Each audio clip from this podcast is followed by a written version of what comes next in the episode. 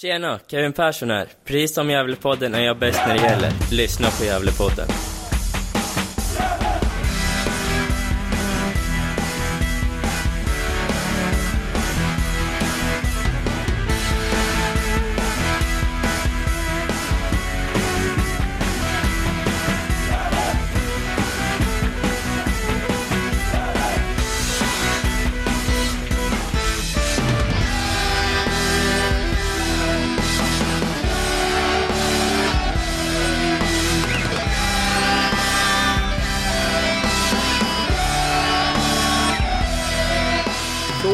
Då hälsar vi alla lyssnare varmt välkomna till Gävlepodden. Och idag är det inte vilket avsnitt som helst, utan det är avsnittsnummer 300 i ordningen.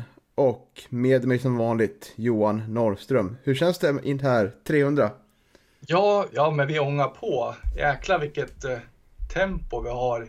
Jag satt och funderade för, för, för några veckor sedan här. Alltså, du och jag måste ju vara de som har gjort flest avsnitt nu helt enkelt. Eh, vi Mm. lär väl ha slagit både Josef och, och, och Hans för det här laget, va? eller hur? Precis, vi kom väl in någon gång efter 100 i alla fall va? Var det inte så? I alla fall Jo. du från början. Ja, exakt. Eh, sen har ju du gjort en hel del avsnitt utan mig också, så att eh, Mm. eh, ja, det kanske är jämnt skägg, jag vet inte. Nej, det, vi får se. Det, det känns i alla fall otroligt härligt att kunna göra det här varje vecka och prata Gävle IF med dig och med andra intressanta personer, supportrar och spelare och tränare och gamla legender från, från truppen och eh, ja, runt om sådär. Ja, Nej. exakt. Det är ju väldigt trevligt att få, få eh, engagera sig i, i en klubb som man bryr sig så mycket om och, och vet eh, få göra den här podden helt enkelt. Man har ju jobbat lite på Svenska fans längre tillbaka i tiden när, när laget var allsvenskan, men, men jag tycker faktiskt att det här är bra mycket roligare. Mm, jag tycker att ända sedan i alla fall jag har blivit involverad i podden så har jag lärt mig mycket mer om, om fotboll och hur, hur, det är, hur det kan kännas att vara på plan och eh, hur det taktiska fungerar och eh, ja, så lite större kunskap känner jag mig. Känner mig mer kompetent eh, fotbollscykel i alla fall. Jag vet inte vad du känner. Nej, nej, Jag känner mig som, som en glad amatör fortfarande faktiskt. Det känns, eh, mina analyser känns ganska eh, eh, känslostyrda och amatörmässiga faktiskt. Lite läktarcoach över mig tycker jag ändå. Nej, det går ut att ta ner själv tycker jag. ja, nej, jag inte. Men det, det har väl sin tjusning det också kanske, att, vet du, att man kanske inte är så analytisk egentligen. Att, eh, det, kan vara, det kan vara kul att eh, kommentera eh, de här matcherna på, på lite på känsla också. Visst, visst. Eh, och just för att det är 300 så kommer stor del av här avsnittet vara med Mikael Bengtsson. Vi gjorde en intervju med honom eh, förra veckan, strax innan Haninge-matchen. Eh, så tanken att, att du och jag Johan inte ska prata jättemycket om Haninge-matchen då. Utan vi ska hålla det ganska kort kring den matchen tänker vi. Får se om vi lyckas med det, det är en utmaning. Ja, Eh, Exakt, jo men det vart väl eh, nästan en timme med, med, med Micke och det var ju väldigt, eh, väldigt trevligt eh, samtal så här efter en trevlig vår åtminstone resultatmässigt. Mm. Eh, framförallt resultatmässigt. Vi kanske inte ska avslöja allt för mycket vad som sägs i, i intervjun med Micke men, men ja, nej, men lyssnarna får höra själv Eh, vad, vad han säger. Precis, och eh, som sagt vi kan prata en del om Haninge-matchen. Eh, men jag tänker att vi ska väl beröra lite, vi spelar in på söndag nu och damerna har precis avslutat eh, vårsäsongen. Tyvärr då med en tung förlust hemma mot Kvarnsveden med 2-0 på ett otroligt varmt Galovallen. Så man ligger nu sexa i tabellen på 16 inspelade poäng. Fyra poäng ner till sjunde platsen och just eh, att vara topp 6 är otroligt viktigt i år för att de delar serierna. Eh, men så det mesta lutar väl att det blir en ångestfylld höst för damerna. Ja, precis. Nej, det var lite olyckligt. De har ju blandat och gett en hel del efter en väldigt stark inledning av säsongen egentligen. Och, eh, det är precis som du säger att det är, det är väldigt viktigt att komma bland de här eh, topp eh, eh, sex. Då. Det är väl topp fem som går direkt till det som blir eh, division 1 nästa säsong då och eh, sexan får kvala. Så att, eh, helst bland de fem första skulle jag väl vilja säga. Och jag vill se GIF när, när man summerar eh, den här eh, säsongen sen i höst. Mm. Och eh, matchen idag med Kvarnsveden tycker jag att Kvarnsveden är lite nummer för större och eh, ja, GIF har inte riktigt koncentrationen och eh, fokuset på sin rätta plats. Det kändes som att värmen tog ut sin tog ut väldigt mycket vilket var förståeligt och att eh, ja, att det var en, en lång vår som gjorde att man inte lyckades prestera vilket var synd för kanske ligger ju en poäng före nu. Men samtidigt har man ju sett damerna gjort väldigt fina insatser mot Gidonsbergs IF på hemmaplan. Där man riktigt har öst in mål och spelar väldigt fin fotboll. Så det finns en väldigt hög, hög nivå på damerna. Tyvärr så måste man få lite mer kontinuerligt. Jag hoppas det kommer under hösten. Mm, verkligen. Men vi går över till herrarnas match i torsdags mot Haninge. Som slutade med 3-2 och därmed avrundade vårsäsongen. Uh, ja, målvaktsbyte blev det strax innan. Uh, det var ju, tror jag, på mm, tidigt i veckan som Tim Markström fick känningar av en hjärnskakning. Jag tror, han, jag tror det hände någonting på träningen. Ja, exakt. På onsdagens träning där så klev han av tidigare för att eh, eh man eh, misstänkte, som, som Micke sa, misstänkte att det kunde röra sig om en, en hjärnskakning. Så att, eh, och han har ju haft hjärnskakningar tidigare så att det, det var väl inget det var väl inget snack om att, att man skulle vara försiktig där och eh, det var väl ett bra läge att ge Albin Lorenz eh, ja, möjlighet att eh, få stå också mm. för att Eh, hur det än är så, eh, så, så, så, kan jag väl ändå tycka att det är bra att Albin får, får möjlighet att eh, visa upp sig och, och stå i A-laget också när, när, när det är seriespel tycker jag. Så är han börjar ju redan i tredje minuten med en riktigt bra räddning. Så väldigt fin start på låden. Sen vart det lite olyckligt sen, men vi kommer väl dit. Ja. Men det är en väldigt, trev, väldigt trevlig inledning på matchen, eller hur? Ja, absolut, det tycker jag. Eh, det är det. Det är väldigt eh, pigg inledning av, av Gävle och eh, det märktes att man, eh, att man ville avsluta den här eh, vårsäsongen innan uppehållet på, på ett bra vis. Och, eh, man tar, tar ett visst initiativ och ett visst grepp av, om matchen, i alla fall inledningsvis tycker jag. Mm. Och eh, jag sitter ju hela första halvlek och säger till mina vänner på läktaren att eh, ja, den här halvlek som Ironera gör, den är otroligt bra och eh, nog hans bästa halvlek i Gävle under våren 2022. För att han dels får han jättemycket ytor. Eh, Haninge tycker jag har lite konstig, konstig matchplan gentemot Ironera för att de ligger jättelångt. De är ganska lågt i övrigt men jag tycker att man bör kanske ligga lite närmare just på på Ironea så den här match. Den är väldigt tight. Men han får, han får styra och ställa lite hur han vill och hittar ytor och eh, och eh, då, då kommer det löna sig till slut och det gör det med, med 1-0 målet. Han hittar in till Pontus Jonsson där som eh, går förbi ena spelaren och får tid att hitta Leo som är 1-0 i 23 minuten. Och, mm. Mm, Otroligt fint. Ja, mm. väldigt vackert mål. Det börjar ju liksom med, men fantastiskt fin pass från, eh, från Io Ranera naturligtvis. Och det är ju en spelare Eh, ja, exakt. Nu vet vi ju inte exakt hur Haninges matchplan såg ut, men jag tror nog inte att det kanske var eh, meningen från, eh, från ledarhåll i Haninge att man skulle ge Ioranera så, så mycket tid som han fick för att eh, ja, det, det, är då han är som bäst när han får ytor och, och får styra och ställa och han gör det ju väldigt bra. Och sen är det som sagt Eh, målet är ett riktigt fotbollsgodis, riktigt fint. Mm. Och just de här första 25 minuterna känns det som att vi har kontroll på matchen och det kan mycket väl börja rinna iväg. Både till 2-3-0 innan halvleken är slut. Men eh, när vi spelar lite som vi gör med hög intensitet och högt tempo så kan det komma bolltapp och det gör det ju. Bara minuten efter när Friman tappar den på kanten där och eh, Haninge ställer om i en omställning. Det kommer ett skott från eh, en spelare som går från var Alexander A Andrew, Andrew, Andrew. Något sånt där. Det kan det vara. Ja. Eh, det, det börjar väl egentligen med att eh, sjuan där i Haninge som är så duktig som jag precis tappar namnet på nu. Maj Lundgren. Ja, exakt. Han som jag pratar upp så mycket. Det är ja. enbart mitt fel det där. Ja, ja exakt. Nej, men alltså, vi, man har ju sett, eh, ja, nu har jag bara sett eh, Haninge en gång tidigare innan den här jävla matchen, men, men han imponerade på mig då också och eh, eh det är också en spelare som man inte får ge sig där mycket ytor och eh, eh det får han ju tyvärr där. Eh, och ett flertal gånger också under, under matchen egentligen så, så det är ju han som som är hjärnan bakom det där anfallet. Och sen är det väl Rickson Mansemina som, som stöter in den där på, på den returen som, som Albin eh, släpper då, rakt ut tyvärr. Mm, och som att han borde ta, det kan vi alla vara överens om va? Ja, absolut. Och det, det tror jag nog att eh, Albin är överens med mm. oss om också. Ja.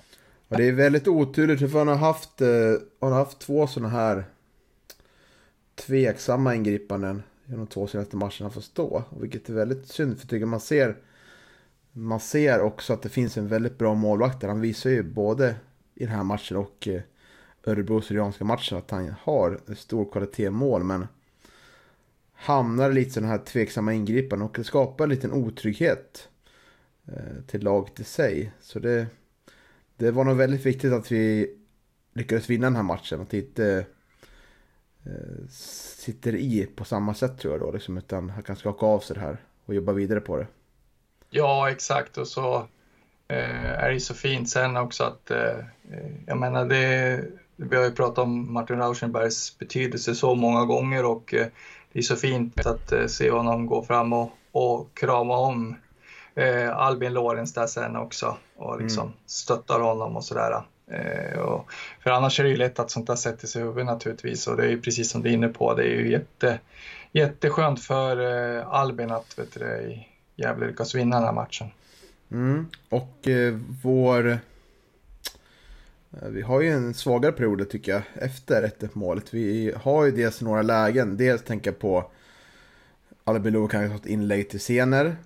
som inte riktigt eh, får till det. Och sen kommer ju en omställning där. Tyvärr, där både Sener och Englund kommer två mot den. Men Sener gör en alldeles för dålig passning, vilket är otroligt... otroligt dåligt faktiskt. Tycker kunde vara bättre där med två kvalitetsspelare.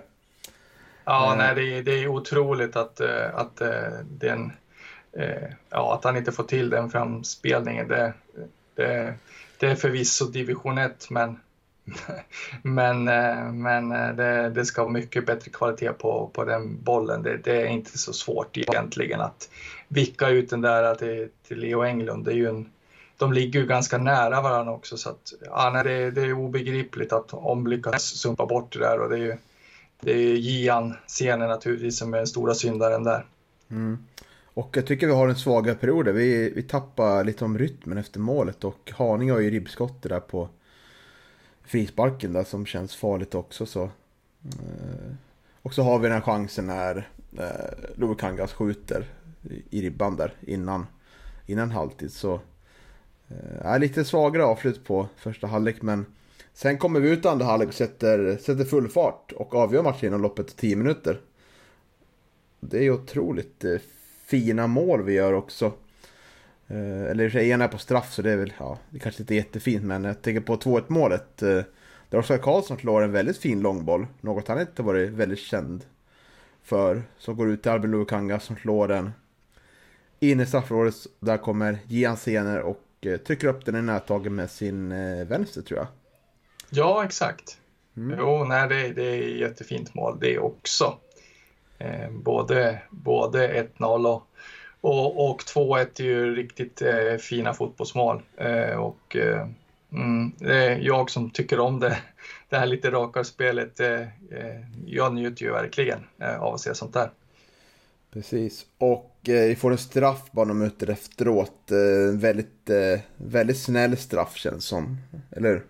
Ja, nej, väldigt, väldigt tveksamt och det, det ska vi, vi ska vara glada att det blir straff därför att Eh, ser man, jag har sett reprisbilden ett par gånger och det ser faktiskt ut som, som eh, Harningebacken har eh, armen in till kroppen så att säga och eh, då ska det inte vara straff. Precis. Och sen kom ju faktiskt lite olyckligt eh, ett reduceringsmål från Haninge. Eh, kommer fram återigen via Maj Lundgren på kanten. Han är med och skapar det mesta för ja. Haninge. Hatten av. Eh, kommer får in bollen i straffområdet. Det är väl Friman som inte hänger med riktigt på kanten där. Bara se på reprisen. Och Albin blir då, Lorentz blir då ställd av att den kan komma till hans högra hörn tror jag. Men han får en slags felträff, eh, Haninge-spelaren, så den går in till vänstra hörnet. Otroligt olyckligt. Mm, exakt, och det är ju Alexander Andué som gör eh, det målet. Och det är ju, ja, det är ju en felträff och det är inte så mycket för, för Albin Lorenz att göra där. Det, när man satt där på, på läktaren så tyckte man väl kanske eh, så här, man svår lite. Eller var det ett enkelt mål där som man släpper in igen. Men, men, äh, men äh, ja, Albin är ju på väg åt fel håll och det, det, blir liksom omöjligt för honom att ta den där helt enkelt. Sen kan man väl eh, diskutera eh, markeringsspelet kanske från, från försvararna där inne. Han står ju, mm. tycker att han kan, kanske får stå lite för ren där. Mm, absolut. Efter den matchen så håller ju matchen på att rinna ifrån oss, känner jag. Det känns som att vi inte riktigt orkar spela vårt spel och eh, eh, man kanske blir lite passiv och sånt. Men vi räddas ju då av det här helt korrekta röda kortet eh, på Haninge-spelaren med en kvart kvar. Där han försöker ta bollen av Jensene med ett slags grepp om hela, hela halsen där. Sen när han väl får ner han så gör han en otroligt ful stämpling i ryggen där. Spelar jätteoskyldig. Alltså det är ju såklart rött ja, ja nej, det var ett eh, riktigt fint brottargrepp och det, det, det, man kanske kan reagera på också det var väl att vet du, domaren inte hade tänkt, tänkt varna honom och ge något gult för, för, för den eh, vet du, incidenten. Eh, men sen blir han ju tvungen att visa det röda när, när, han, när han trampar på, på, på, på Ian liksom på väg därifrån. Det, ja, Eh, om det är avsiktligt eller inte, det, det, är i alla fall klumpigt. Han behöver ju inte kliva över Ian heller så att eh, eh, nej, det är solklart rött. Tycker jag. Så är det och eh, vi gör ju byten där i samband med det och sätter in både Nisse Eriksson, Torre Rafael och eh, Theo Hansemon. Så det blir ju ett väldigt defensivt avslut på matchen och eh, när väl bytena gjordes såg jag på läktaren, ja det kanske kan straffas det här. Vi borde kunna kunna spela av den här matchen ändå. Fast vi är... Eh, när vi är ändå en man mer. Men det... Vad vet jag. Det löser sig ändå att spela, spela klokt defensivt. Eh, sådär. Så det vart en 3-2 vinst och eh, mina farhågor innan matchen var att jag tycker det blir otroligt jobbigt att ha ett inne med fält där som är så pass offensivt balanserat. Det gick ju inte riktigt förra matchen när, Oskar Lundin var borta. Utan då blev det poängtapp. Eh, och, eh, men nu istället så var det, tycker jag, alla tre där. Pontus Jonsson, Oskar Karlsson, Georg Reina klarar av det jättebra den här matchen. Och det är ett styrkebesked att ta med i, i framtida matcher när vårt ordinarie mittfält inte är helt på plats. Nej, men det kan jag väl eh, absolut hålla med om. Eh, nu, eh, nu blir ju matchbilden på, på, på det viset att eh, i, till, i stora delar i alla fall med, med no, några undantag för vissa perioder i matchen så, så, så är det ju Gävle ändå som får styra eh, genom sitt eh, mittfält och att Gävle får koncentrera sig mest på, på, på anfallsspelet då. Men, eh, men jag tycker ju både Oskar Karlsson och, och Ranera och Jonsson Eh, de klarar av att göra det defensiva jobbet också. Mm. Eh, kanske inte riktigt på samma eh, fina vis som, som Lundin och Eliasson hade gjort det kanske, men, men, men det funkar. Det gör det. Så är det. Och eh, ska vi in på matchens tre stjärnor då? Det kan vi göra. Eh, en stjärna valde vi. Vi var helt överens den här gången, vilket är härligt att vara ibland. Ja, exakt. lite tråkigt, men, eh, mm. men ändå så, så, så, är det ju skönt när det, det, vi kan vara överens ibland också. Eh, en stjärna till Albin Louis Kangas. Varför får han det, Johan? Ja, nej men eh, det, han, han gör ju återigen en, en jättebra match. Jag vet inte, jag var väl den mot Sollentuna vi tyckte var den absolut bästa han hade gjort den här säsongen, va? visst var det så? Mm. Eh, och eh, det här är också en av dem på topp tre och då, då, då, ska han naturligtvis också få en stjärna. Det är ju en eh, jättefin assist också fram till, till eh, Jens Seners 2-1 mål där också. Så att, eh, det är en bra match av, eh, av Louis tycker jag. Yes, och två stjärnor ger vi till Leo Englund som, fort, for, som fortfarande producerar mål i år på löpande band. Har gjort nio mål nu. Vad jag tror det är på elva matcher. Eh, så han är ju riktigt fin målform nu och gör ju att vi ständigt, eh, ständigt eh, vinner matcher. Och han är alltid farlig där framme och kunden har gjort ett hattrick idag. Det fanns ju vissa lägen där så nej han, han känns livsfarlig här och ja, skulle, nu kanske inte ska ha någon stor debatt om vårens spelare men då är nog min i alla fall Leo Englund tror jag. Eh, ja, nej, det är väl tveklöst så. Det är ju otroligt eh, värdefullt att ha en sån spelare eh, som spelar eh, som gör de här målen och framförallt nu när man eh, vinner med sådana här, ja, många uddamålsvinster och så, så, så är det ju otroligt viktigt att man har en, en eh, måltjuv i Leo Englund eh, längst fram. Det är otroligt eh, värdefull och viktig för Gävle den här säsongen. Mm. Och tre stjärnor, matchens bästa spel och eh, precis så här bra så vill jag att han ska vara på hemmaplan när vi möter lag som står lågt i sitt försvarsspel. Det är ju såklart EU Ranera Grau. Som eh, har vecklat upp eh, mer och mer säsongen gått och eh, får nu sin... Eh, Ja, han har kanske fått en trea tidigare år. Kan det vara så? Mm, ja, jag mm, kommer inte det. ihåg, men jag vet att han har ju fått, äh, fått någon stjärna tidigare också. Jag är tveksam om det är tre däremot, men, men äh, nej, men det är otroligt äh, ja, välförtjänt tycker jag. och det är, jag tycker att det är så kul också att se, se Veteranera och eh, spela så här bra så att man får se, alltså, och, och övriga också som, som har varit på plats på, på Gavlevallen får se hans det, kapacitet och att han får visa hur bra han är. Mm, jag kollar upp nu, det är hans första år, tre stjärnor. Mm. Mm. Ja, jo men precis. Väldigt välkänt tycker jag.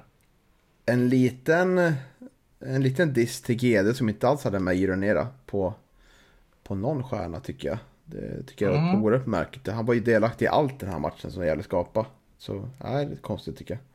Ja, nej men eh, det var ju, det var ju Karin som var, som var på plats och eh, ja, nej, jag var lite förvånad. Hon har ju en, hon har ju en viss förkärlek till, till kära Iu Ranera så att eh, eh, jag trodde nog att hon skulle ge honom eh, åtminstone någon stjärna eh, mm. efter matchen. Eh, månadens spelare i juni då. Det blev ju Lee Englund. Andra gången nu sist till Mårdenspelare 2022. Så vi kommer att spela in ett snack med honom, men det blir någon, någon gång i juli för att eh, nu är spelarna lite lediga sådär. Så det är något att se fram emot. Ja, verkligen. Och det var som jag sa till dig också, det, det är bra att det går någon vecka så, så finns det kanske lite mer att, att prata om också. Eh, vi, vi, vet ju att han ska iväg på lite semester och sådär och eh, och eh, sen kan vi prata lite om, om vad som väntar i höst och sådär. Så att, eh, nej, men det ska bli kul att prata med Leo igen. Mm. Kanske han kan hjälpa oss att eh, rigga kameran eller telefonen som jag fick göra förra gången. mm. Nej, du hade glömt ladda batteriet till vår kamera. Ja, exakt. eh, då, då fick eh, Leo eh, vet du, kliva in och rädda situationen. Ja, det gjorde han bra faktiskt. Ja, verkligen. Eh, vi kan snart eh, lämna över tycker jag till vårt snack med Mikael Bengtsson. Men det är något som är som har hänt de senaste dagarna. Det är att en spelare har brutit kontraktet med oss. Och det är ju Axel Näsholm. Så jag tycker att vi ska prata lite silly season, lite nudda lite det nu. Vi har inte hört så jättemycket men vi kan väl som en avslutning på den här våren eh, spekulera lite i vad vi var in och vad vi tror och sådär. Ehm, och värt att nämna att eh, när vi spelade in med Micke Bengtsson så var det inte klart med att Axel Näsholm bröt eh, kontraktet. Det var inte officiellt i alla fall, så det kommer ni, kommer ni märka när vi pratar om hans situation. Mm. Eh, men Axel Näsholm bryter kontraktet. Är du förvånad? Nej, det är jag inte. Däremot så, så tycker jag väl att det är lite tråkigt för att eh, jag tycker att eh, Axel Näsholm främst under 2020 eh, och framförallt på hösten där eh, var, eh, var riktigt bra i Gävle. Och eh, jag hade lite större förhoppningar på att han skulle få mer speltid under 2021 men, eh, men, men den uteblev ju och eh, sen vart han ju också utlånad. Så att eh, Eh, och eh, nu har han dessutom inte spelat särskilt mycket under våren här heller så att eh, nej, inte jätteförvånad men, men eh, jag, jag trodde att det skulle lyfta mer för Axel i Gävle med tanke på, på hans debutsäsong som jag tycker var ganska bra. Mm. Ja, han fick ju mycket förtroende under 2020 va? Var det? Ja, exakt. Framförallt mm. på hösten där som jag tycker Eh, jag tycker att han var, var riktigt bra när han spelade. Känns lite som att han har inte har gynnats riktigt av att vi har bytt formation lite då och då utan det snarare hamnat på ja, han har hamnat på lite, lite utanför utanför liksom det som vara del för truppen utan han är mer som en bänkspelare och slänga in med lite tio minuter kvar och eh, nu är han ju han var ju nu i år Eh, som Micke sa i podden. Så ni får höra aktuell som vänstervingen främst. Och eh, jag hade mer trott att han var mer aktuell som innermittfältare faktiskt. Så, eh, nej, men det var väl en spelare som under 2020 passade ganska bra in i pocketsystemet där. Men sen inte alls kom till sin rätta i laget. Och eh, det fanns väl andra spelare där som, som Micke såg, såg mer i och kanske, kanske presterade mer på träningen och sådär. Mm, jo, exakt. Och i och med att eh, Axel Näsholm nu bryter kontraktet så kommer det ju finnas eh, eh mera utrymme eh, för att eh, kanske, ja, eh, förstärka truppen här under sommarfönstret. Då. Eh, vi vet ju redan att, att eh, man letar en ersättare för, för Hjälte då, men nu blir det väl antagligen skulle jag vilja säga att man letar två nya spelare. Mm. Tror du att Micke kommer leta efter en, en ytter eller tror du att han kommer leta efter en central mittfältare? Lite, ja, där, lite där jag står och väger lite. Ja, det är lite svårt. Eh, eh, nu, nu vimlar det säkert inte av sådana på marknaden och eh, det kommer väl antagligen att handla om, om lån i båda de här fallen. Eh, eh, som, två spelare som ska in då antagligen och jag skulle tro att det blir två lån. Och eh, eh ett komplement till, eh, till Louis Kangas ute till vänster skulle jag väl också vara intressant och kanske välbehövligt. Så äh, det återstår att se. Det, det blir spännande att, att se hur, hur mycket tänker nu. Mm. Om jag skulle välja då skulle jag gärna se en innermittfältare framför en vänsterytter. Jag tycker att vi vi har spelare som...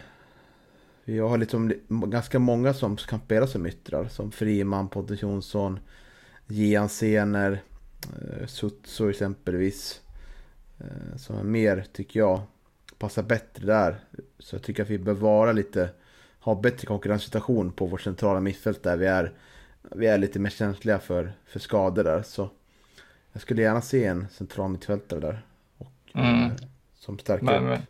Ja, med tanke på hur vi formerar oss nu också eh, eh, med bara en anfallare så, så, eh, så kanske det finns utrymme både för en, en vänsterytter och en central mittfältare i så fall. Då, för att vi känns inte som att vi behöver fler anfallare.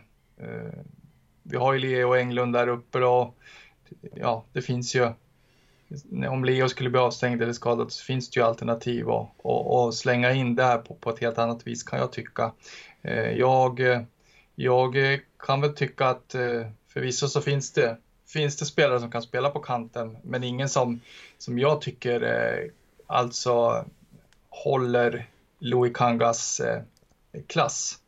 Mm. Utan jag skulle vilja ha ett, ett riktigt komplement till, till Louis Kangas där ute på, på kanten för att öka konkurrenssituationen där. Och Sen... kvaliteten på truppen. Mm, absolut. Uh, så nu är mer Albin Lukangas vänsterback dock. Ja, jo förvisso, men mm. eh, jo i den här formationen. Men eh, en, någon som kan spela på vänsterkanten och konkurrera med, med, med Albin. Mm. Nu tänker jag att eh, eh, Micke sa en intressant sak om, om defensiva positionen på innerfältet. Men jag tänker att vi, vi kanske låter lyssnarna få höra det själv, för att dra sina egna slutsatser där. Ja, just det. Ja, det var mm. lite intressant. Mm. Då får vi en liten cliffhanger. Ja, precis. Så får det bli. Men eh, mm. nu har vi blivit en halvtimme långa. Ska vi lämna över till vårt fina snack då? Det gör vi tycker jag Niklas. Så får ni lyssna på eh, vårt eh, snack nu med Mikael Bengtsson. Så får ni ha en fortsatt trevlig vecka. Er varmt välkomna till vår halvtidssittning med Mikael Bengtsson. Ja, precis. Eh, otroligt härligt att ha dig här igen Micke. Tackar, tackar. Vi pratades vid i försången där. Ja, jajamensan. var väl i slutet av mars, början av april. Mm. Precis, var det du och jag som... Ja, det var du och jag som pratade. Ja, ja, just det. Jag var inte med då. Nej, Nej det har ju varit en riktigt trevlig vår det här. Ja, det får man väl säga. Eh, det, det är väl... Eh, det är svårt att klaga allt för mycket. Sen finns det saker man både ska höja och klaga på också givetvis. Precis, och eh, vi ska gå igenom lite vårsäsongen såklart. Vi ska gå igenom lite truppläget och så. Och också lite framtiden, så det blir, det blir lite blandat sådär. Men om vi börjar med tabelläget då. Vi, värt att säga att vi spelar in det här dagen innan Haninge hemma. Och när det kommer ut så har matchen spelats. Så vi kommer inte... Eh, vi räknar med att eh, vi är i tabelläge eh, omgång 13 då. Så vi ligger tvåa nu på 26 poäng inspelade. Åtta vinster, två avgjorda, tre förluster och eh, plus skillnad på tio mål. Ehm, vad skulle du säga eh, om det är betygsätt eller sådär? Hur nöjd är du över poängen som har trillat in under våren? Eh, ja, poängen är jag, är jag, skulle jag säga, får väl rätt, rätt så hög betyg om man ska vara ärlig. Eh, det är väl absolut någon, någon, någon match där, där det ska kanske eh, vara ett annat resultat.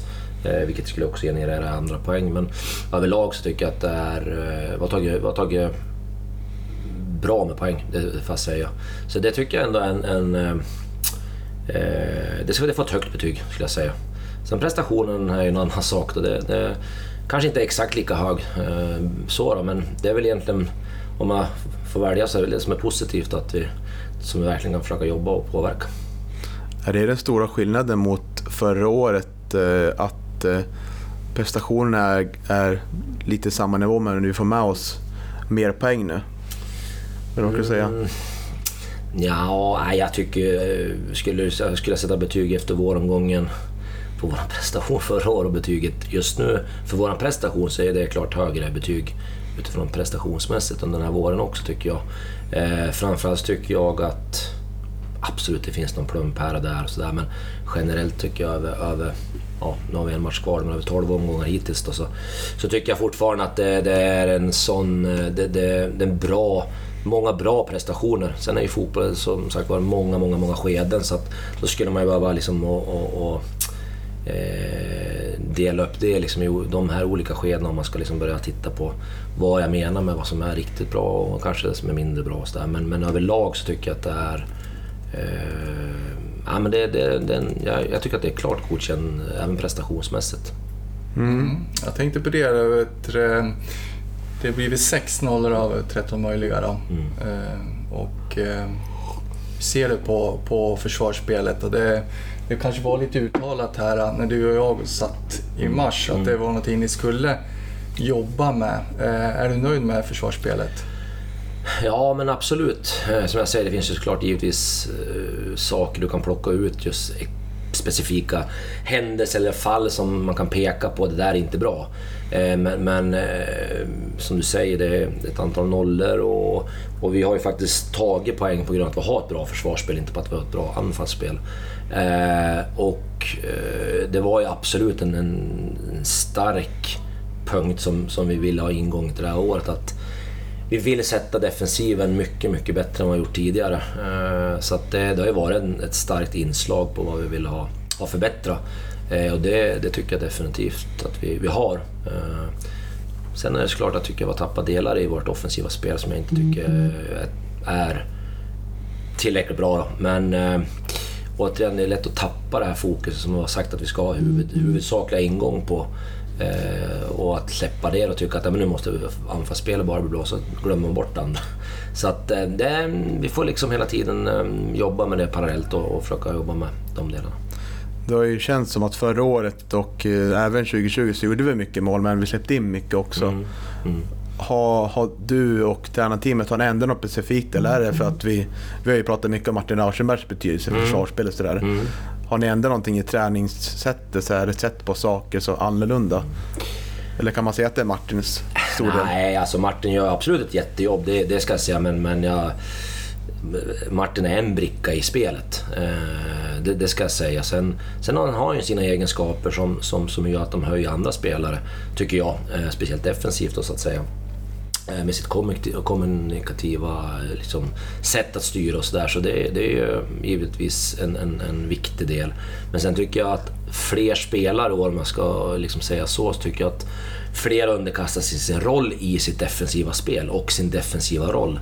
Vilket gör att när fler gör det så blir det kollektiva så pass mycket starkare. Och det är det vi är i år tycker jag. Vi, vi är ju extremt starkt kollektivt defensivt skulle jag säga. Mm. Och om vi pratar om prestation då. Jag skulle nästan påstå att eh, matchen mot Sandviken är vår bästa prestation över 90 minuter. Mm. Hur ser ni, eller du, mm. vilken är den bästa under våren? Eh, nej men jag håller med dig över 90 minuter, det, det tycker jag. Eh, jag tycker eh, den matchen, dels så tycker jag, ja dels ändrar vi faktiskt vårat, eh, vår organisation den matchen. Eh, så det är ju, bara det tycker jag är en, en styrka från gruppen att snabbt liksom ändra det och, och, att det sitter så pass bra som vi ville att det skulle sitta. Eh, plus att jag tycker vi, vi, det är inte någon gång egentligen där vi känner att oj, nu, nu är vi på en väldigt låg nivå. Utan jag tycker vi håller en, en eh, ja, över 90 minuter, en, en väldigt bra nivå på det vi gör. Eh, sen tycker jag också att eh, även den matchen tycker jag ja, du kommer ju från en match före den som, som vi kanske inte helt ska prata om, men men eh, skillnaden där tycker jag även offensivt hur det ser ut mot Sandviken är ju eh, också väldigt bra tycker jag. Ja tyvärr, jag tänkte ändå röra, röra vid det ämnet. ja, vi kan, okay. De matcherna. Jo men eh, ni får ju en dipp där, en jättebra inledning av, av eh, vårsäsongen men så får ni en liten tipp här under maj. Eh, Stockholm Internationale, Örebro Syrianska och eh, poängtappet mot Piteå hemma på mm. Gavlevallen. Vad, vad är det som händer där skulle du vilja säga? Eh, ja, precis. Eh, då tycker jag så här att jag, jag tycker Stockholm-matchen borta är inte någon speciellt dålig om jag ska vara helt ärlig.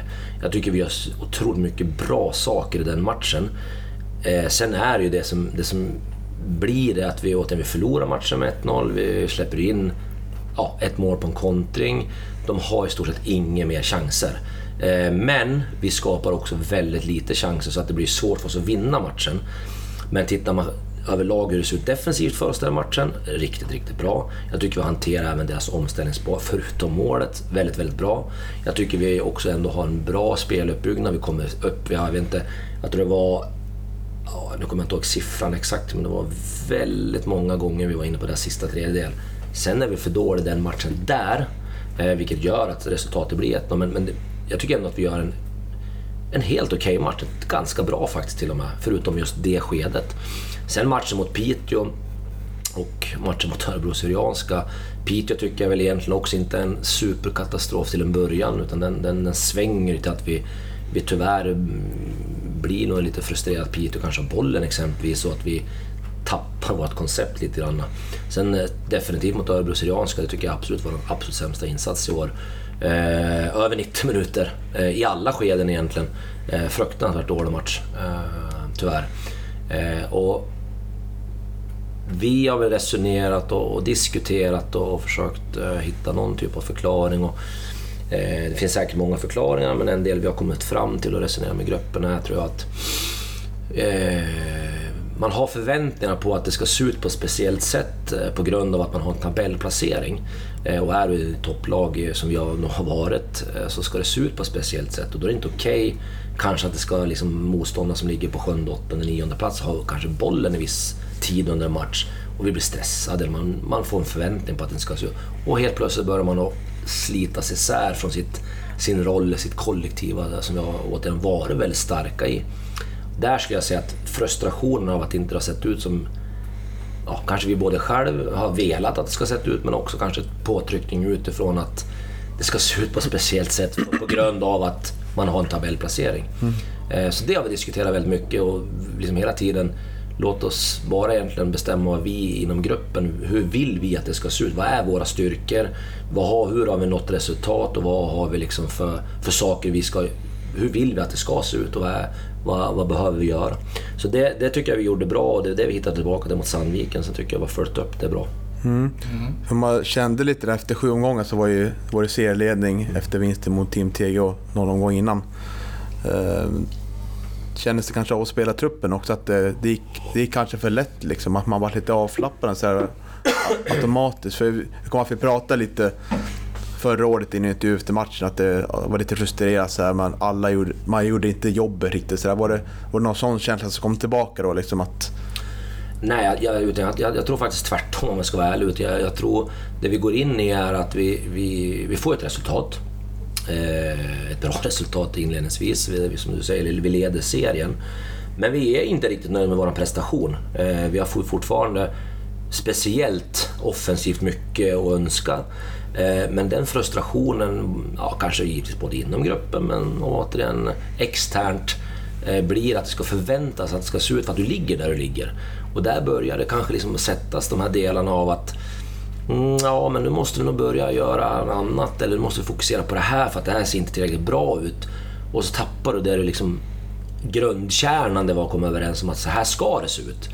Eh, där skulle jag säga snarare att jag tror att en stor del för oss har gjort att vi har liksom tappat vår egen självbild faktiskt. Eh, men det jag tycker vi man pratar om det och hittat tillbaka till det och eh, som jag säger, jag tycker vi, vi hade bra Eh, utvärderingar och, diskussioner kring det inför Sandviken, vad, vad som är viktigt för oss. Så, eh, vi hittar tillbaka till det tycker jag, så det, det känns bra. Mm. Mm. Det var ju det vi satt och pratade om innan också. I, i, innan Micke kom att vet du, det spelar egentligen inte så stor roll hur det ser ut utan vet du, det viktiga är ju att man, att man vinner fotbollsmatcher. Och det behöver kanske inte vara så mycket glitter och glamour alla gånger. Nej, det, där, det, där är ju, det där är ju säkert... Skulle fråga hundra stycken finns det hundra olika svar. Mm. Eh, det, det, är klart att det finns en, eh, oavsett vilken nivå det är på, det, menar, eh, var det Kratz som fick sparken från Hammarby fast de vann SM-guld för att det såg inte ut på ett speciellt sätt. Eh, vi har väl kanske någonstans några gånger under i alla fall min tid där i Gävle blev vi liksom lite hylla för att det har sett bra ut men vi har inte fått resultat så det har varit åt helskotta. Så det finns ju liksom en balans där och absolut, jag har sagt det förut, det, det går ut på att vinna fotbollsmatcher, det, det är inget snack om saken. Sen är det så att det som är viktiga tycker jag i det här, det är att vad är då en prestation? Prestationen är det vi kommer överens om att vi ska göra inom laget. Och det, det är ju återigen vår självbild på hur det ska se ut. Men återigen, alla har ju sina egna bilder på hur fotboll ska spelas, hur det ska se ut och sådär. Ja, och det är väl, det är väl en tjusning med det hela att, att det är så liksom. Men, men för våran del så måste vi vara väldigt noga med att vi gör det vi har kommit överens om. Att, att inte vad andra tycker att så här ska det se ut. Eh, för att då, då, då tappar vi liksom våran identitet. Eller att spelare börjar göra olika saker. Och det kan jag tycka var hamna lite grann under tidigare år också. Mm. Och eh, derbymatchen mot Sandviken byter ju uppställning då mm. till en fyrbackslinje från en trebackslinje. Mm. Var det en del av tankarna som gick efter den här dippen att vi behöver förändra spelsättet mm. så blir lite mer ja, ja, absolut. Uh, uh, dels, dels tycker jag vi... Det fanns två saker egentligen. Den ena delen var att vi, vi, eh, vi hamnade inte... Vi hade även, som jag sa, vi, vi blir inte riktigt tillräckligt kollektiva i det förra systemet tyckte jag. Vi hade tappat det lite grann, så någonting måste göras. Eh, och då valde vi att, okej, okay, vilka möter vi? Ja, vi möter Sandviken, vad är det vi behöver göra och hur ska det se ut mot dem? Eh, så det blir ju liksom en kombination av vad vi behöver förändra någonting, men vi måste också titta på vilken match vi spelar. Eh, och tittar man på hur Sandviken spelar så tyckte vi att, att spela på det här sättet som vi gjorde, den passar den matchen. Eh, det var ganska lätt att få in rollen och spelarna de förstod det väldigt snabbt. Eh, vi, eh, vi blev ja, tillbaka till den med tryggheten, i, speciellt i vårt försvarsspel tycker jag, eh, satt väldigt snabbt. Och, så utifrån det så gör vi en utvärdering på det. Hur känns det här? Hur ser det ut? Eh, är det någonting vi, vi, vi vill bygga vidare på? Så där. så att det var en kombination med att vi kände att okej, okay, kan vi förändra någonting i vårt, vårt, vårt sätt med vår organisation? Eh, och hur såg det ut eftersom vi har haft en liten tungare period? Kan vi ja, vad behöver vi förändra och sådär. En, eh, en konsekvens av att eh, ni vågar det tänker jag kanske är för att man har man har en ganska stabil centrallinje i år med Martin Rauschenberg mm. där bak och kollegor och Oskar Lundin lite längre fram. Att, mm. kan det, är det också en del i tanken att man har tre, en central trea där bak med två mittbackar och en defensiv mittfältare som kan städa upp eventuella kontringar och sådär? Ja, ska man, alltså problemet har ju inte varit för oss att försvara centralt. Eh, jag tycker vi har gjort egentligen bra alla matcher. Det är, det är egentligen hur vi försvarar på, på ytterkorridorer. Eh, där jag tycker, ja det är såklart att motståndarna ser vart, vart svagheterna kanske finns, men också att vi inte har, hamnat rätt eller att vi inte riktigt fått ut det vi behöver få ut i vårt försvarsspel till att börja med. Med det andra, utan vi, vi var tvungna att se hur, hur försvarar vi bättre mm. utifrån det, där, vi blir, där vi blir sårbara helt enkelt. Så därför ändrar vi utifrån det och, och som sagt nu har vi en en annan eh, närhet till varandra, speciellt där, men fortfarande så ligger kärnan kvar i att vara tre innermittfältare exempelvis. Mm. Eh, för det tycker jag var väldigt viktigt. Mm. Absolut. Ja, eh, du och jag pratade ju lite om risktagande när det gäller anfallsspelet i, i matchen mm. inför säsongen. Så här, tycker ni att ni, har, att ni spelar med, att ni tar lite mer risker nu när ni anfaller? Ja, alltså... Ja, eh, både ja och nej skulle jag säga. Jag tycker att vi tar... Eh, får definiera med risk då kanske lite mera, men, men jag tycker att vi tar risken med att tappa bollen är ju alltid spelar Ju längre bollar du slår, ju större risk är det att tappa den. För den är ju svår att kontrollera. Den är ju motståndaren mer tid att ta eh, beslut om man ska gå i närkamp. De kan återigen vara beredda på att skydda ytor och allt vad det Så Det finns ju en risk i det, att, att tappa när man spelar på det sättet. Samtidigt så vet, har vi också sagt att vi behöver ha en variation med att spela både längre och kortare. Eh, men det finns ju också risker med att man spelar, ja, ska spela in mer centralt, ska våga spela kortare, spela, spela på spelare som är markerade. Det finns ju också risker med att tappa boll. Eh, men jag tycker att jag tycker vi tar lite för lite risker vad det gäller det korta spelet. Eh, och vad jag menar med det tycker jag att ehm, vi, vi... På grund av att vi inte tar de riskerna så tycker jag att vi blir liksom någon, någon hundradels för sen in i både liksom passningen mottaget och den kombinationen blir att det blir, ja, det blir en dålig passning, det blir dåligt mottag och så blir det en bollförlust. Eh, och då blir det ju såklart inte bra, men, men jag önskar att vi hade haft större mod i vissa se sekvenser i det. Eh, för det, det, är alltid frustrerande tycker jag när man tittar på tränare, när vi tränar ibland kvaliteten i, i, i passningarna och speciellt om man tittar på passningar mellan 5 och 15 meter som sitter väldigt, väldigt bra och bra kvalitet och så vidare. Men inte få ut det på match riktigt, det, det tycker jag är lite eh, synd. För det tycker jag var kanske vårt största problem hittills, mm. offensivt. Mm. Jag mm. tycker ju ändå att eh, variationen har ni fått till. Absolut, jag håller med dig. Det, det, det köper jag, och, eller det håller jag med om. Och, eh, det tycker jag definitivt. Sen tycker jag att, att eh, den variationen eh, kan man alltid diskutera om, om den är rätt i vissa lägen och inte. Men, men absolut, men vi har ju också, tycker jag, diskuterat det. Hur vi ska göra med, med det längre spel och kortare spelet såklart. Så att, eh, men med det sagt så tycker jag att vi... Ja, jag är fortfarande väldigt besviken på hur vi jobbar med vår speluppbyggnad oftast. Mm, jag tycker att det, det, är ett anfallsspel som är väldigt utvecklande. Och det, framförallt så går det mycket snabbare i passningsspelet. Och, mm. Eh, det är inte det här som Johan har klagat mycket på, långsamma passningar mm. bakåt och börja om och börja om. Utan nu mm. är det oftast eh, mm. full fart framåt på kanten. Och, eh, mm. I de bästa matcherna har ju både Hjälte och eh, Giarna spelar på topp eller Leo kommer ner och hämtar boll. Och, mm. vara rörligare. Så det känns som att det hänger ihop eh, mer i år, tycker jag. Mm. Vet inte vad du tänker om Mm. det? Ja, så både och då. Det, det, dels så blir det så här att vi, vi försvarar ju oftast lite lägre i år än vad vi har gjort tidigare. Eh, Så det hänger ihop med det också när vi vinner boll att eh, vi försöker att kanske spela snabbare framåt utifrån det då, för att det finns ju större ytor att spela på framåt såklart. Eh, sen är det ju sådär att tycker jag att eh, det är väl lika väl som vi pratar om, om, om en viktig punkt inför i år har varit vårt försvarsspel så har vi pratat vad är det vi behöver jobba med offensivt förutom passningsstrategier och, eh, och sådana saker så är det ju riktning på spelet. Eh, Och det har ju, hänger ju också ihop med såklart spelarens grundteknik, spelarens eh, position, spelare, vilken fot man spelar på och så vidare. och Så vidare. Så det tycker jag vi har blivit bättre på. Mm. Helt enkelt. Vad skulle du säga, vad är nästa steg i anfallsspelet? Att utveckla och bli bättre på? Ja, men det, det är fortfarande, vi har ju... Eh, vi har ju haft ett par matcher här nu som, som jag har haft tyvärr alldeles för höga siffror. Det var bollförluster på egen planhalva. Och det har egentligen med, eh, inte passningen i sig, det har mycket med mottaget att göra eller vart du flyttar bollen. Det är oftast där bollförlusten kommer och det, det måste vi bli bättre på. Mm. Det är väl lite, kommer in på nästa fråga. Eh, Det var faktiskt, eh, jag funderade lite på det här, men det var Pekka Alsén skrev frågan. Stor GIF-supporter och sådär. Eh, Är du orolig för alla gula kort vi drar på oss? Jag tänker att det, det är kanske mycket där i bollförlusterna det kommer va? Ja, ja både, både ja och nej. Eh, alltså att jag är orolig. eh, det, det är klart att det, det, det, jag har dragit på så mycket gula kort, det är inget snack om saken.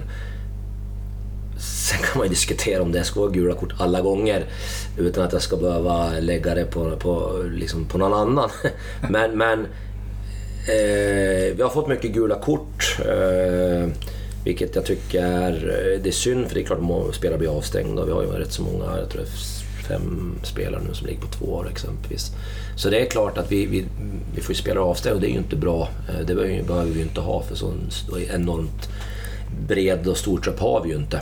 Eh, sen är det klart att jag tycker fortfarande att vi, vi många gånger också har gjort bra försvarsspel och tagit det i bra lägen och få kort ändå. Det är ju klart att det är, ja, som jag säger, det kanske är något kort, några kort för mycket tycker jag som vi, som vi har förtjänat att få om man ska vara ärlig.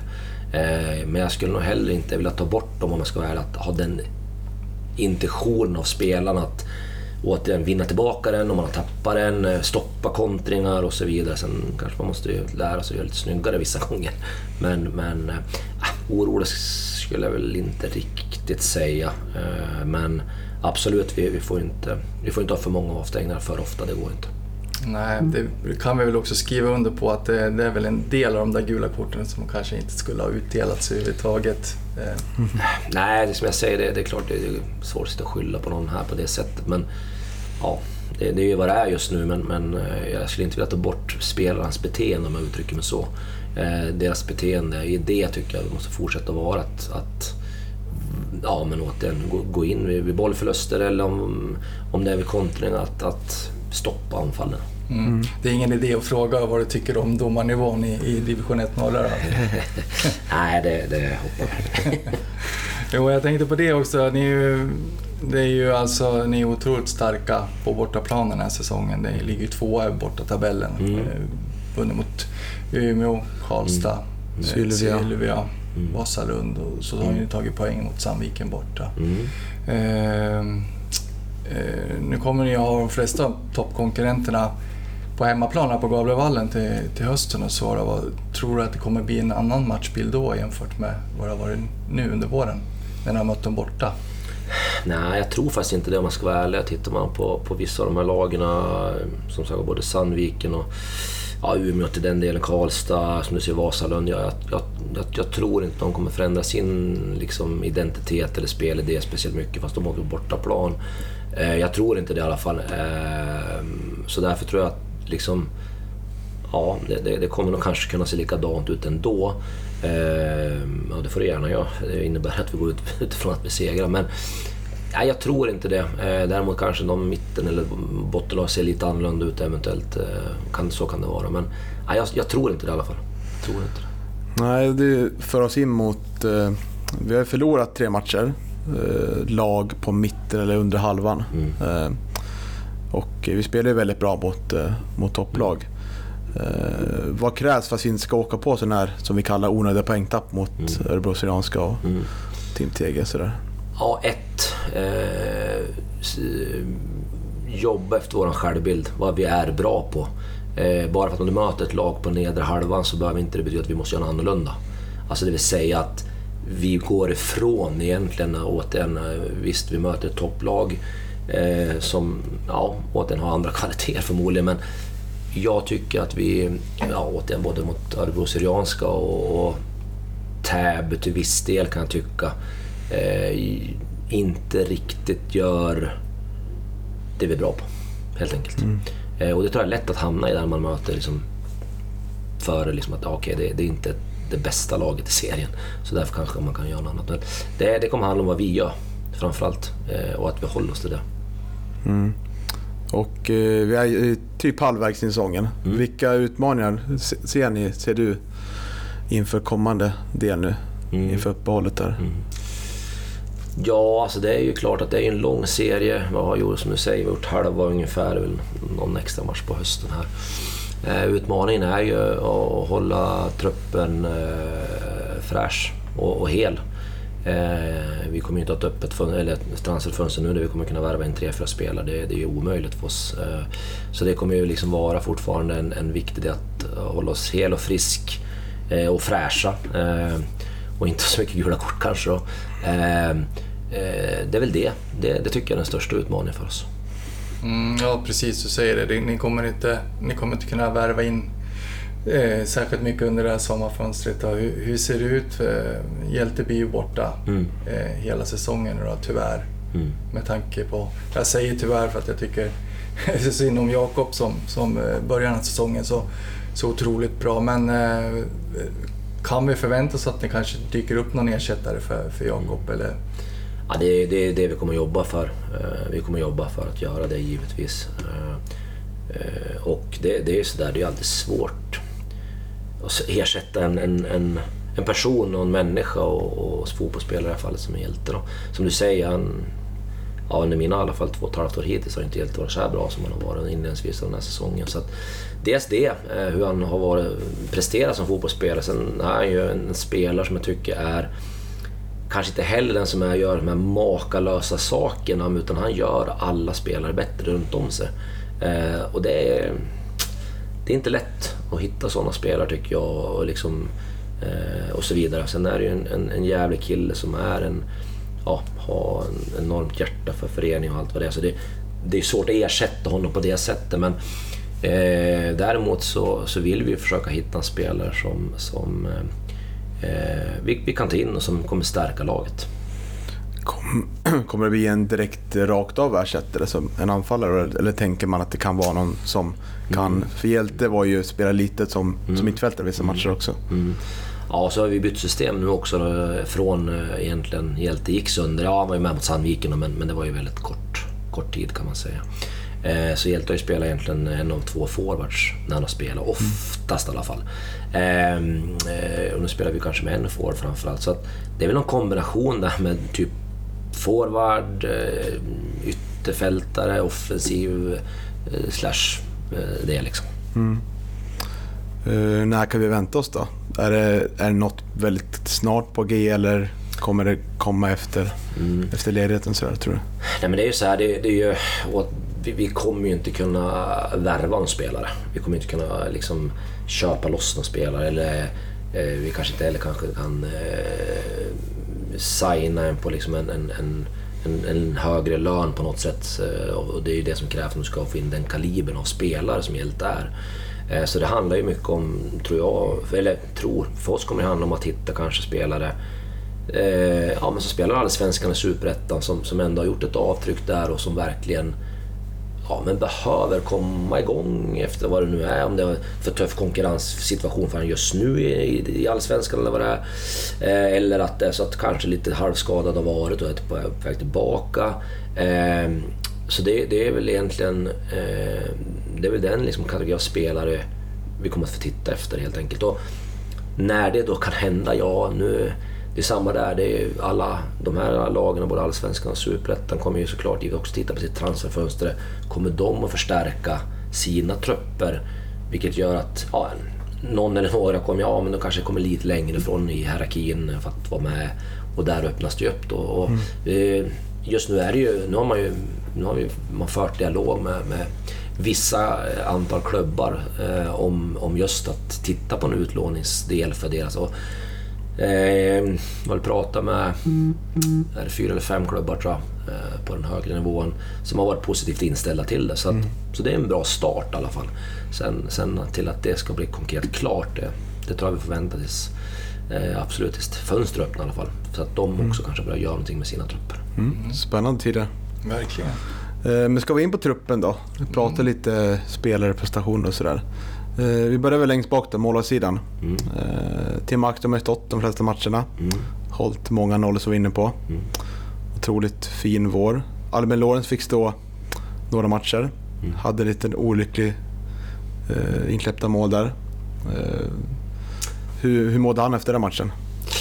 Nej men... Eh, bra ändå, men att få uttrycka mm. det så liksom. Det, det, Ehm, det, återigen, det är ju framförallt Örebro Syrianska. När vi förlorade den matchen, det blev en olycklig utrustning, det blev en straff och så vidare. Men återigen, visst, man kan säga det är målet kanske, man kan diskutera med han, men den matchen är ju återigen laget får ta på sig den förlusten helt och hållet om man ska vara ärlig. Så att det är ju, det är svårt att uttrycka så att det är någonstans hans fel, eller vad man ska säga. Det är laget där vi, vi presterar för dåligt helt enkelt. Men eh, nej, jag, tycker, jag tycker ändå Lorenz är, det är en väldigt spännande målvakt och jag tycker att han kommer säkert, eller kommer, han kommer spela mer matcher i år i division 1. Vi pratade lite inför säsongen om målvaktstränare. Mm. Hur ser det ut med den? Jag la ut en annons då via, var det inte via er tror jag, men jag har inte fått någon napp tyvärr. Nej, eh, tyvärr, äh, det, det, tyvärr alltså, så har vi ju inte, vi har inte lyckats fått det. Och det är klart vi har haft en dialog med Tim att han, han driver det där mycket och hjälper till och, med, med han och även när vi tar upp från P19. Så att, ja, det, det, är där vi befinner oss just nu och det, det är inte lätt. Vi tränar när vi gör på dagarna klockan tre och vi har liksom inga stora pengar att ersätta den personen som man kanske måste ha rätt från jobbet. Så att det är en svår ekvation där, mm. tyvärr. Eh, försvarsspelet då? Eh, tänker främst på våra innermittbackar. Jag har lagt in lite våra ytterbackar nu på mittfältet. Men mm. de räknas också in som backar såklart. Mm. Eh, Rauschenberg, gjort en väldigt fin vår som vi var inne på. Eh, nu är det ju bara två mittbackar som spelar nu. Mm. Mm. Hur tänker du kring konkurrenssituationen där? Mm. Ja, den är ju kanske den tuffaste konkurrenssituationen vi har i laget om man ska vara ärlig på grund av att vi, som du säger, vi spelar just med två mittbackar. Eh, nu har ju tyvärr eh, Kevin eh, var skadad, blev skadad här och fick en stressfraktur så han har ju varit borta ett tag och är nog borta några veckor till. Och förhoppningsvis kanske kan börja komma igång efter uppehållet här. Ehm, så det, ja, så är det ju. Eh, sen har ju både Nisse och eh, Theo framförallt, de två som inte har kanske varit med så mycket men också varit skadade och borta, har ju också börjat komma igång nu då. Så att, eh, ja, det, det är angenämt problem ska jag säga. Det känns som att det att det är alltid jobbigt försvarsläge. Det är mycket halvskador och sånt vi har haft ja, genom åren där. Ja. ja, så utifrån det kanske det är bra att vi har så pass många mittbackar. Mm, ja. Absolut. Men eh, finns det någon, när alla är friska och krya, förhoppningsvis efter uppehållet, finns mm. det någon... Kommer någon få vikariera som på en kant? Sådär. Finns det någon plan ja, så? det är inte omöjligt. Eh, absolut inte. Eh, och det är inte heller omöjligt att någon av dem kan spela defensiv mittfältare. Mm. Ja, vi pratade lite om Just det. Vilka, vilka tänker du på då? Ja, någon av de fem. ja, vi, vi, jag vet ju, vi har ju en experten Pontus Andersson där. Han är ju vet du, väldigt förtjust i tanken av att vet, KP ska vet du, spela central mittfältare. Okay. Mm. Mm. Ja, vi pratade lite där innan om eventuellt om Martin Raschenberger komma upp denna match när Oskar Lundin är avstängd och sånt. Mm. Så han skulle passa ganska bra den rollen. Han har varit väldigt målfarlig Martin Raschenberg i vissa matcher när han kommit mm. upp också. Mm. Ja, då ska han spela forward. Ja, det, det kanske är anfallslösningen. ja, man vet aldrig. ja, han är, han, är ju, han är ju längst upp ibland. Ja, precis. Mm. Ja, men vi rör oss vidare till mittfältet då. Där finns det ju massa olika mm. spelare. Vi har Eliasson, vi har Aspgren, vi har Torre, Rafael. Vi har Friman, Näsholm, Lundin, Karlsson, Lukangas, Sutsu och Ranera. Mm. Säkert glömt någon. Mm. Eh, Lukangas fick ju spela mycket central mittfältare Mm. på försäsongen. Mm. Faller inte ut lika väl under, Mm. under seriespelet där. Nej, precis. Varför gjorde inte det? Ja, det är absolut en bra fråga. Eh, nej men det är väl sådär att jag tycker att dels så tycker jag att eh, vi har nu när EU kommer in så, så får vi ändå in en, en absolut inte samma spelare som, som Albin men, men åtminstone något balansmässigt vad det gäller offensivt bättre. Eh, och det tycker jag att då blir ju Loe ganska självskriven som vänstervinge eller back i det här fallet. Eh, Så det har väl egentligen varit kanske, tycker jag, det, det har ju varit grundidén egentligen mer eller mindre med Albin att gå upp på mittfält. Att, att hitta den balansen på mittfältet. Eh, Sen kom in, nu har jag också varit skadad lite grann. Så att, eh, sen tycker jag absolut, en sån som då Oskar Karlsson har ju vuxit väldigt, väldigt mycket under den här eh, våren och tagit, liksom, tagit plats så att säga. Så att, eh, det blir också det då, man får ju titta till helheten, jag tror jag nämnde vid någon annan tillfälle, man får titta till helheten, vad blir, vad, vad blir det bästa laget totalt sett över hela banan? Eh, är det att, att någon annan spelar in i mitt fält och Lo spelar vänster eller är det att någon annan spelar vänster och Lo spelar centralt? Eh, så ja, nu, nu har det fallit mest ut som att han spelar vänster och eh, det är egentligen, ska vara ärlig, tycker jag väl egentligen på, ja, Sandviken till viss del, men de två sista matcherna tycker jag har varit riktigt bra. Eh, faktiskt. Och eh, vi pratade en del, jag och Johan också, att det, det känns som att det är ett mittfält, ett innermittfält framförallt, som är väldigt eh, synkat i år. Att alla hittar sina roller med Mm. Eliasson och Lundin som har kommit in, som kompletterar varandra väldigt bra. Och så Oskar Karlsson som du nämner och Mm. Sommar gör ner som ett väldigt bra alternativ också. Vad, vad känner du själv kring, kring innermittfältet? Mm. Ja, framförallt så tillbaka till det så de, de, alla de här spelarna underkastar sig sin roll. Eh, och, och sen har de ju olika egenskaper såklart givetvis. Eh, men men de, de, de börjar i rätt ände. De börjar vara kollektiva och, och gör sin, sin uppgift så att säga. Eh, och därför blir det en harmoni både offensivt och defensivt. Att man vet vart man har varandra på plan, man, man vet vart de befinner sig eh, och, och man, man vet... Eh, jag vet den andres roll och när han gör sin roll så vet jag vart den spelaren vad den gör och vart den är. Så det, det är ju en till, blir ju till en stor fördel givetvis. Så det, det skulle jag säga till att börja med en nyckel så då. Eh, Så att eh, Nej, jag, jag tycker att det, det, det är spännande för det är en bra mix på de här mittfälten tycker jag, på deras egenskaper. Vi har ju några spelare som har ganska lite speltid. Mm. Tänker på, vi kan ta en i taget där, Axel Näsholm. Mm. Hur går tankarna inför slutet av säsongen Mm. kommande delen? Ja, eh, vad ska man säga? Eh, det är väl ingen bra situation för honom att inte spela matcher. Eh, det, det är klart att spelare måste ju spela matcher för att kunna liksom, såklart givetvis eh, ta steg och så vidare. Så det är väl ingen optimal situation för honom, eller för oss heller för den delen, så att vi får se vad som händer. Vilken position utmanar han främst om, skulle du säga? Ja, nu då när jag förändrar då, så att säga så blir det ju liksom någon, någon typ av vänsterytter forward Mm. eh, framförallt. Men kan det bli tal om utlåning då, eller någon annan lösning? Ja, men, men det, det, som jag säger, det, det är ju varken ut, optimalt för honom eller för oss att, att inte han spelar såklart. Så vi får hålla på och titta på vad, vad, vad löst, vilka lösningar man kan ha. Mm. Mm. Sutsu? Var Sakasua? det, ja, var det mycket skadad, mycket sjuk under våren här.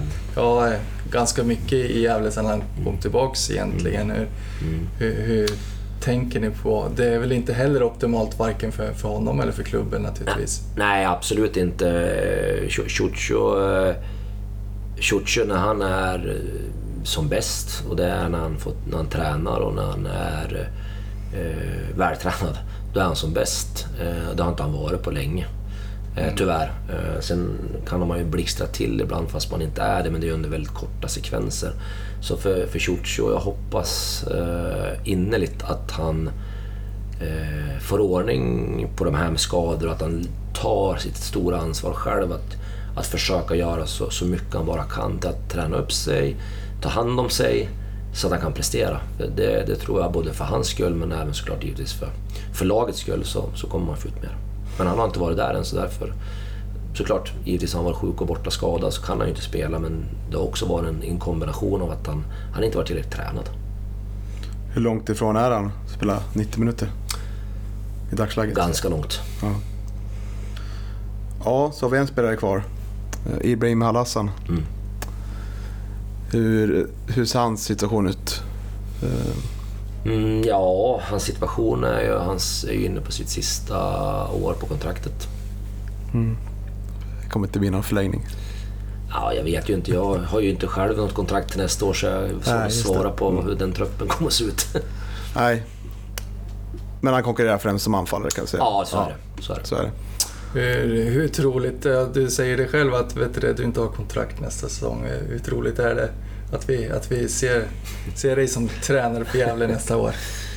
Ja, eh, det är väl klart inte jag. Det är inte jag som avgör det helt och hållet på något sätt. Utan det är föreningen som måste ta det beslutet och, och så vidare. Eh, Och, och i så fall får man ju starta en dialog och, och diskutera det, vad det skulle innebära. Just nu vet jag inte så mycket. Hoppa lite sjöskämt här Johan. Det- Förlåt, Ja, förlåt för det. Ja. Jag tänkte att det, det var väl ändå bra, bra läge att ställa den frågan. Ja, jag. absolut. absolut. Det får frihet. Ja, vad skönt. Ja, men eh, anfallet då. Där har vi ju eh, ja, Leo Englund, Pontus Jonsson, eh, skadad Jakob Hjelte nu, men Ian senare. Mm. Eh, jag tänker, där har det sett väldigt... Eh, Pontus har ju fått en mer anfallsroll i år. Mm. Och eh, vi såg ju faktiskt på en fin statistiktabell som Morén har tagit fram att han ligger tvåa i interna assistligan. Ja. Eller etta ligan tror jag till och med. Inte Aspgren va? Nej, det kanske inte är han. Nej, det han- kanske är Pontus. Jag, Ja. jag tror faktiskt det är Pontus på fyra. Ja, precis. Mm. har ju två där mot TG poäng. Ja. Och det är inte något man tänker på så när man Nej, i första hand. Så här, att, men han är väldigt delaktig sådär. Mm. Eh, är det anfallare han kommer... Nu, eller i och för sig, nu spelar han ju på kanten. Han spelade anfallare tidigare. Mm. Men har han hittat sin roll nu? Vi har ju pratat och varit lite frustrerade. Vi har sett att han haft en väldigt hög nivå mot Dalkurd hemma för något år sedan. Mm. Eh, Är det där vi får se hans Mm. bästa jag? Ja, men absolut. Ehm, Pon- Pontus, Pontus är ju, en- tycker jag, en, en genombrottsspelare. Kanske inte rent i att dribbla sig förbi, men, men att driva bollen i hög hastighet, att, att flytta den i rätt lägen.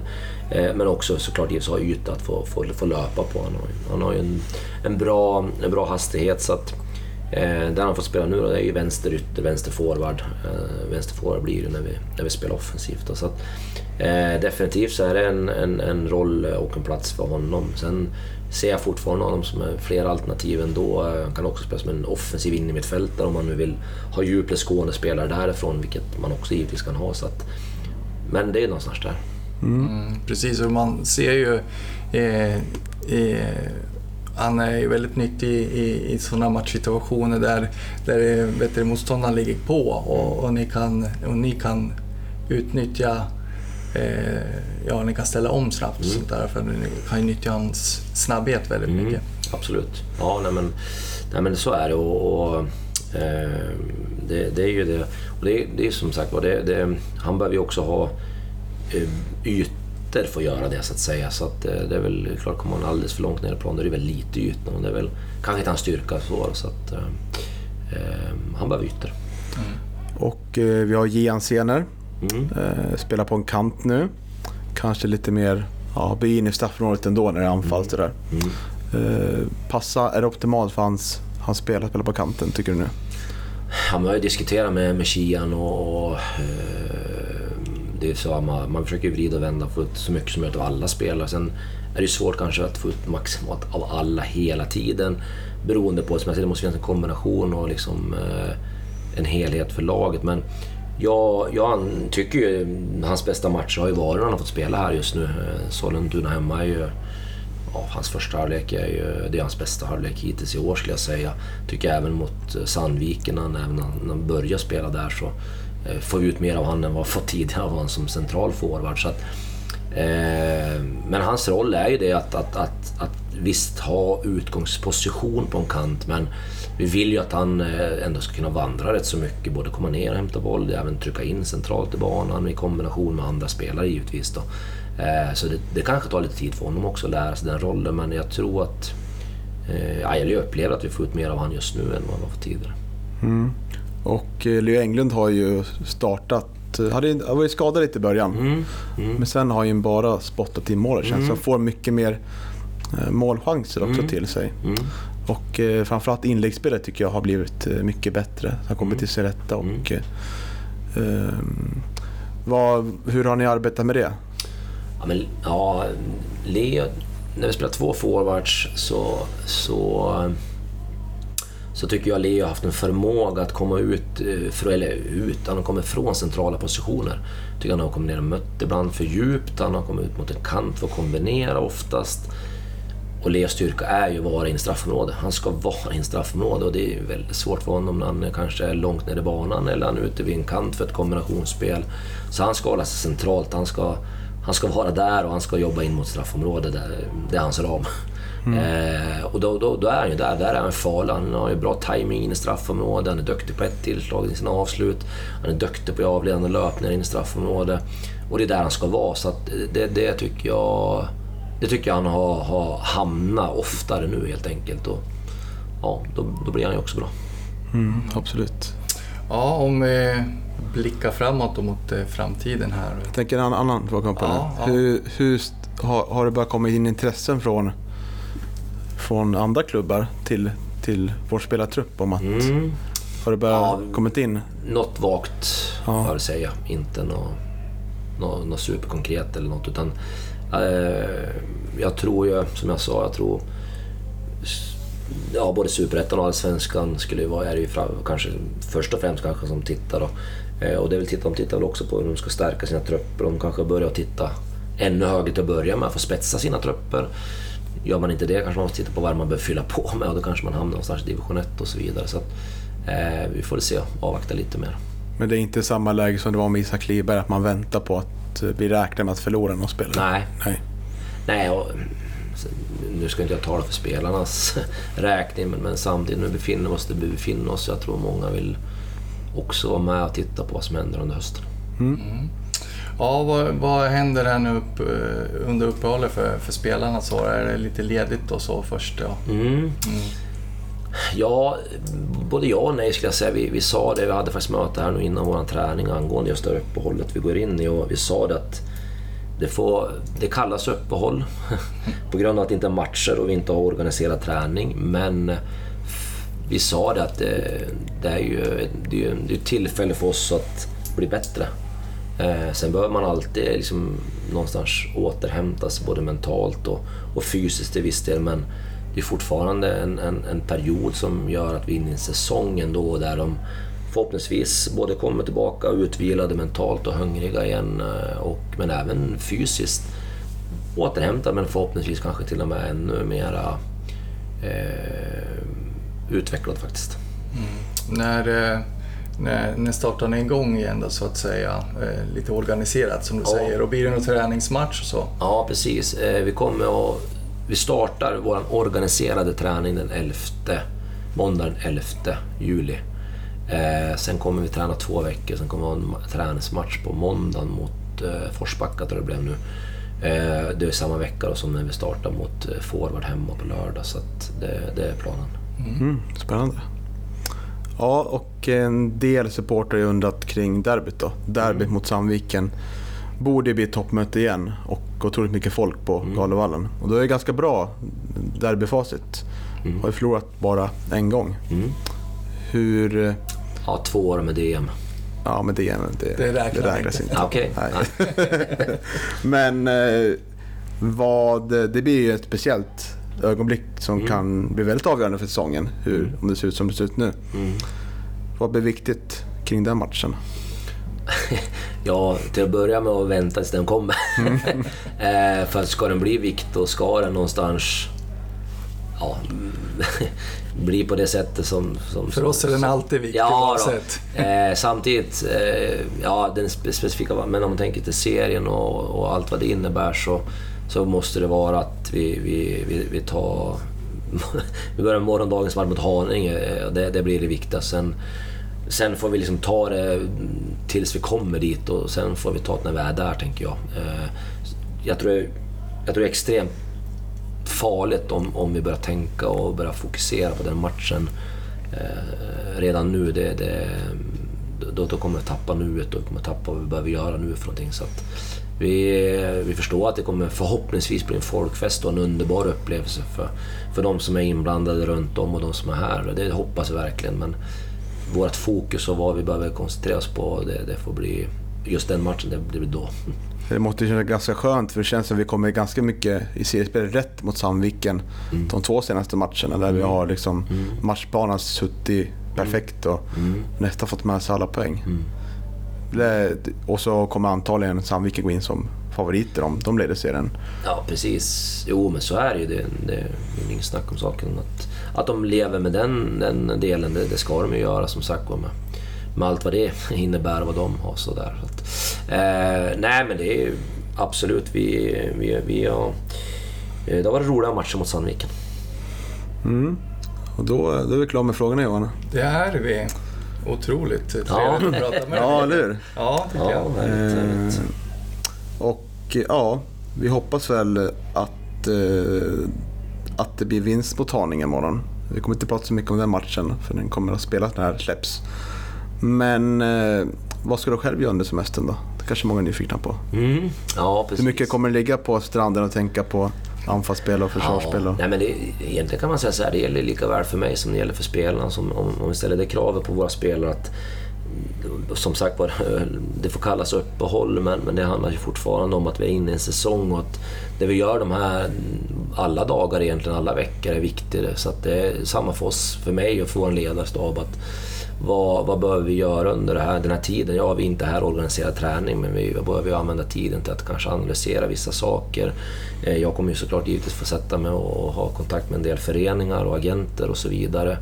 Ehm, jag kommer ju också behöva titta på eventuella saker. Eh, ja, vad, vad, vad, kan vi göra? Vad kan vi skruva med våra små medel för att göra saker lite bättre inför hösten? Eh, så att det, det det är ju liksom, det var någon god herre som sa att när man är ledig så här från fotbollen så är det liksom, det, det, det är myssemester på det sättet, eller det är mysjobb är det. Eh, man, man, man är ledig fast ändå inte. Mm. Kan vi låta det där bli avslutande ord då Johan? Det tycker jag. Stort tack Micke för att du tog dig tid. Tusen tack. Tusen tack.